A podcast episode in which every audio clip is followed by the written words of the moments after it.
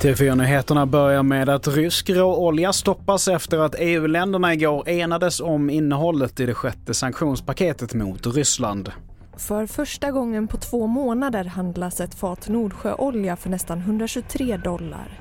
Effekterna börjar redan märkas av EUs beslut att stoppa 75% av all oljeimport från Ryssland omedelbart och ett mål att vid årsskiftet ha stoppat 90% Men Ungern, som varit förslagets starkaste motståndare, får ett undantag. Oljeleveranser via pipeline ska inte omfattas av handelsembargot. Och i inslaget så hörde vi vår reporter Frida Jareteg.